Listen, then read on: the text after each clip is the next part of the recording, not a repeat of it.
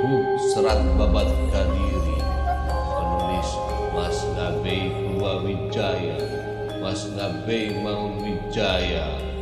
Kisah berdirinya sebuah kejayaan Diterbitkan oleh Hub Gandol Tan Queen Sui Kediri.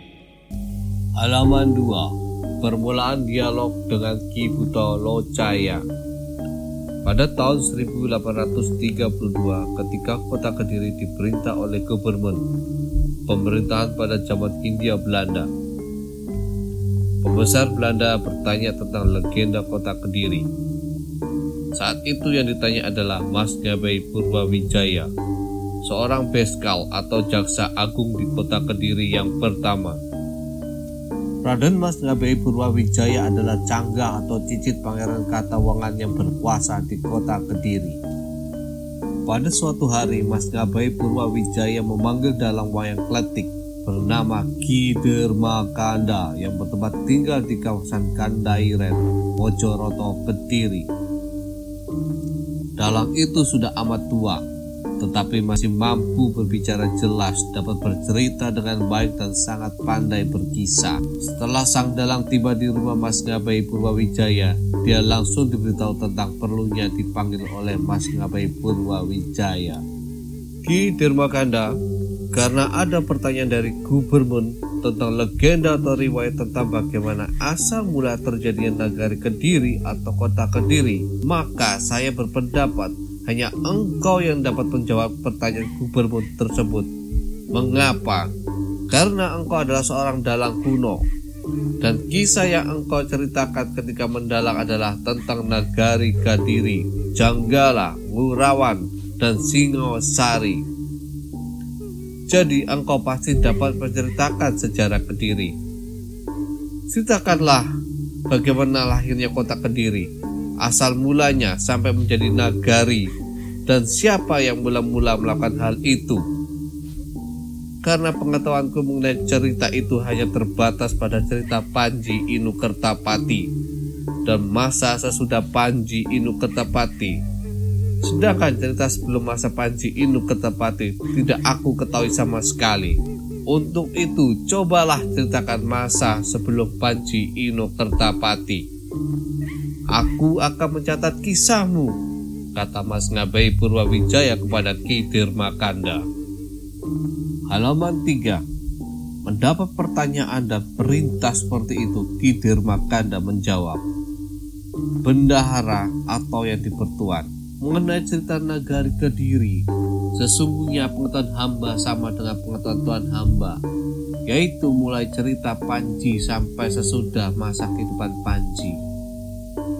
Masa sebelum Panji hamba juga tidak mengerti.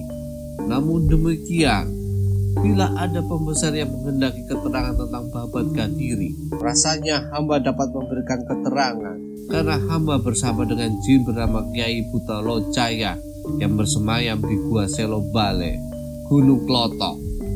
Dia adalah raja jin di seluruh tanah Kediri, menguasai Gunung Kelut, Gunung Wilis hingga wilayah utara sampai perbatasan Japan. Dalam kurung Japanan, sekarang daerah Mojosari, Mojokerto. Sebelum daerah ini menjadi kota, Kiai Buta Lokacaya sudah tinggal di kayangan hutan Gunung Wilis. Untuk itu hamba berpendapat bahwa Ki Buto Locaya mengetahui babat atau legenda kota Kediri ini. Jika demikian, bagus sekali pertemukan saja aku dengan Kiai Buto Locaya dan aku akan bertanya sendiri kepadanya, kata Mas Ngabe Purawijaya. Ki Dermakanda langsung menjawab, Baiklah tuanku, asalkan dia mau bertemu dengan tuan hamba. Tetapi walaupun dia mau bertemu dengan tuan hamba, hambalah yang akan menjadi perantara. Mas Ngabai Purwawijaya langsung menyauti, Ya, sekehendakmu sajalah. Tetapi bila kamu yang dijadikan perantara, jangan berbicara yang bukan-bukan atau asal ngomong saja seperti kebiasaan orang yang kemasukan setan atau seperti orang kesetanan dan berbicara ngawur. karena perkara ini merupakan sesuatu yang sangat penting dan merupakan permintaan orang yang berkuasa di negeri ini. Jadi, kamu harus mengatakan yang sebenarnya. Kiai Butolo Caya hendaknya juga engkau beritahu bahwa dia diminta untuk menceritakan keadaan yang sebenarnya. Ki Firman Kanda menjawab, Daulat tuanku, asal lengkap sesajennya. Tentu dia mau mengatakan kenyataan yang sesungguhnya. Keterangan dari Kiai Butolo Caya bisa ditulis atau dicatat kemudian dipersembahkan kepada raja atau pembesar. Halaman 4 Karena hamba kira sudah cukup, perkenankan hamba mohon pamit pulang dulu. Besok pada hari Jumat Kliwon, hamba akan menghadap lagi Hamba mohon agar Tuhan hamba menyediakan sesajen yang lengkap seperti layaknya orang yang hendak menyewa atau memainkan wayang kerucil. Kemudian Ki Dirmakanda mohon diri dan setelah diizinkan oleh Mas Ngabai Purwawijaya, dia langsung pulang. Pada hari Jumat Kliwon yang ditentukan, Mas Ngabai Purwawijaya sudah menyediakan syarat-syarat dan sesaji lengkap, tidak kurang suatu apa pun. Semua sesajen itu diatur dan ditata di atas tingkat pandan yang masih baru di kamar tamu. Kira-kira menjelang tengah malam, Ki Dirmakanda datang menghadap Mas Ngabai Purwawijaya serta membawa temannya seorang menayaga, pemukul gamelan atau pemukul alat musik Jawa bernama Pak Sondong yang sudah lanjut usianya. Dia kemudian dipanggil untuk masuk ke kamar yang sudah disiapkan. Setelah mereka duduk menghadap Mas Ngabe Purwawijaya, ia bertanya kepada tamunya, "Mana wayangnya?" Ki Kanda menjawab, "Tidak usah menggunakan wayang. Yang menjadi wayang adalah hamba berdua. Hamba mewakili tuan hamba, sedang Pak Sodong yang akan dimasuki dirasuki jin Kiai Buta Locaya.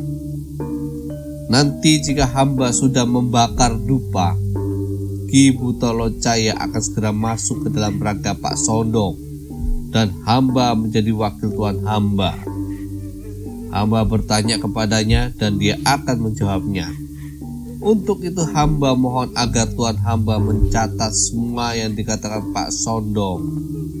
Mas Ngabai Purwawijaya langsung berkata, Baiklah, coba segera laksanakan semua apa yang kamu inginkan. Saya akan mencatatnya. Halaman 5 Legenda Kediri dalam kurung Kadiri Ki Dirmakanda lalu membakar dupa dan membaca mantra Suasana menjadi hening Beberapa saat kemudian Ki Dirmakanda berhenti membaca mantra dan berhadap-hadapan dengan Pak Sondong Keduanya berpandang-pandangan Sekejap kemudian Pak Sondong kehilangan kesadaran lalu terjatuh. Tak lama kemudian dia bangun kembali dan duduk tegak. Pada saat yang sama, Ki Makanda berpura-pura atau bertingkah seolah-olah dia adalah Mas Nyabai Purwawijaya yang sedang menyambut kedatangan tamunya sambil berkata, Selamat datang Ki Butolo Caya Pak Sondong yang raganya sudah dimasuki jin butol locaya menjawab, ada keperluan apa Mas Ngabai Purwawijaya memanggil saya?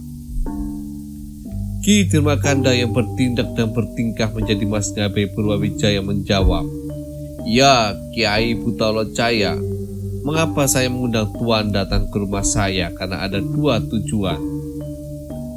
Yaitu, pertama saya ingin bersahabat dengan Tuan, dan yang kedua karena saya mempunyai persoalan yang harus saya jawab atau saya selesaikan. Persoalan itu adalah saya mendapat tugas dari pembesar untuk memperoleh keterangan tentang babat nagari Gadiri. Bagaimana asal mulanya menjadi kerajaan? Kapan berdirinya dan siapa yang menjadi raja yang pertama? Juga siapa pengganti-penggantinya sampai pada saat ini? Bagaimana ceritanya semua itu? Saya sangat kesulitan karena tidak mengetahui cerita atau sejarah nagari Kadiri ini. Selama ini yang saya ketahui hanya cerita Panji Kuda Rawa Wesrengga atau Panji Inu Kartapati serta masa sesudahnya. Cerita sebelum Panji saya tidak tahu sama sekali. Menurut penuturan Ki Dirmaganda, saya harus bertanya kepada Tuan Ki Butolo Jaya. Untuk itulah saya mengundang Tuan ke rumah saya untuk menceritakan legenda itu sehingga saya menjadi tenang dan bisa menjalankan tugas untuk memperoleh cerita legenda kota Kediri. Tuhan pasti maklum tentang hal ini dan Tuhan pasti bisa menceritakan legenda ini dengan benar dan baik. Karena Tuhanlah yang menjadi raja atau pemimpin semua makhluk halus yang ada di Kediri. Pak Sondong yang sudah kerasukan Kutolo Caya langsung tertawa keras sekali sambil berkata, Mas Ngabe Purwawijaya, kalau hanya soal yang begitu itu mudah sekali. Karena sesungguhnya sayalah jika bakal atau orang pertama yang membuka hutan dan yang pertama bertempat tinggal di Kadiri Semula saya ini adalah seorang manusia. Nama saya Kiai Daha. Saya mempunyai saudara bernama Kiai Daka. Ketika itu saya dan adik saya bersama-sama menembangi hutan di dekat sungai Kadiri, Brantas, dengan maksud untuk dijadikan pemukiman Waktu itu tempat tersebut masih merupakan hutan belantara yang lebat, bahkan masih merupakan hutan perawan yang belum tersentuh tangan manusia. Karena memang belum ada seseorang manusia pun yang hidup di situ. Singkatnya, setelah kami selesai menebangi pohon-pohon yang besar-besar dan tinggi-tinggi, kemudian kami membersihkannya Tempat itu kemudian kami jadikan tempat tinggal untuk kami berdua, saya dan adik saya, Kiai Daka. Ketika itu saya didatangi Sang Yang Wisnu yang bersabda kepada saya bahwa beliau menghendaki untuk mengejewantah atau turun dari kayangan menjadi manusia dan akan menjadi raja di pemukiman yang kami buat.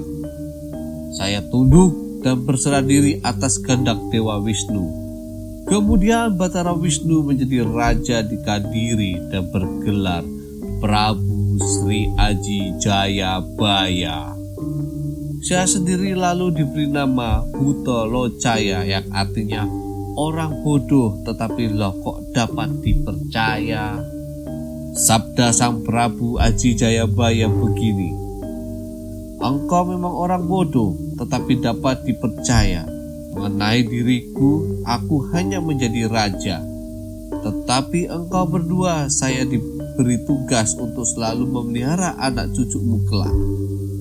Walaupun engkau berdua sudah muksa atau tidak berwujud manusia hidup. Halaman 7 Nama adik saya, Kiai Daka, juga dipakai untuk memberi nama desa Desa tersebut dinamakan Desa Daka. Adik saya juga diberi nama baru, yaitu Kiai Tunggul Bulung, serta dijadikan Senopati. Dalam kurung catatan, menurut karangan atau kitab Aji Pamasa, yang pertama menjadi raja di Mamenang ialah Prabu Gendrayana, lalu berputra Prabu Aji Jayabaya. Penjelmaan Batara Wisnu jadi bukan Wisnu Ngejawanta. Selanjutnya Ki Makanda bertanya, Selama berapa tahun Prabu Jayabaya menjadi raja di Kediri dan di manakah letak kerajaannya? Pak Sodong pun menjawab, letak kerajaannya di sebelah timur Bengawan dan disebut Mamenang atau Daha. Mamenang adalah nama kerajaan, sedangkan Daha adalah nama daerah dalam kurung nagari. Dinamakan Mamenang sebab pada waktu itu kerajaan tersebut merupakan kerajaan yang paling utama dalam kurung pemenang dalam segala hal. Nama Prabu Jayabaya terkenal di seluruh Jawa dan besar pengaruhnya. Raja-raja dari negeri asing banyak yang takluk di bawah Duli Paduka Sang Prabu Aji Jayabaya tanpa diperangi terlebih dahulu. Kerajaan-kerajaan lain di Pulau Jawa mengaturkan upeti yang berupa emas, intan, berlian, hasil bumi, hasil kerajinan tangan, dan segala macam harta benda yang berharga, serta putri-putri untuk dijadikan dayang-dayang. Raja-raja di luar kekuasaan kerajaan Kediri bersatu dan bersujud di bawah Raja Kadiri. Mereka melakukan ibadahnya dengan baik dan sungguh-sungguh, mempelajari segala macam ilmu seperti ilmu duniawi dan ilmu batin. Pengetahuan itu mereka kuasai dan mereka amalkan dengan bersungguh-sungguh. Sehingga mereka sangat taat dalam ambatara atau melakukan ibadahnya semua di Yudanawa sangat ketakutan. Raksasa yang jahat dan jahil pun tak mampu menggoda ketentraman di Kadiri. Karena itulah pada waktu itu tanah Jawa sangat tentram dan tak ada yang berani mengganggu, merusak atau membuat keonaran. Semua penghalang yang ada dimusnahkan, rawe-rawe rantas malang-malang putung.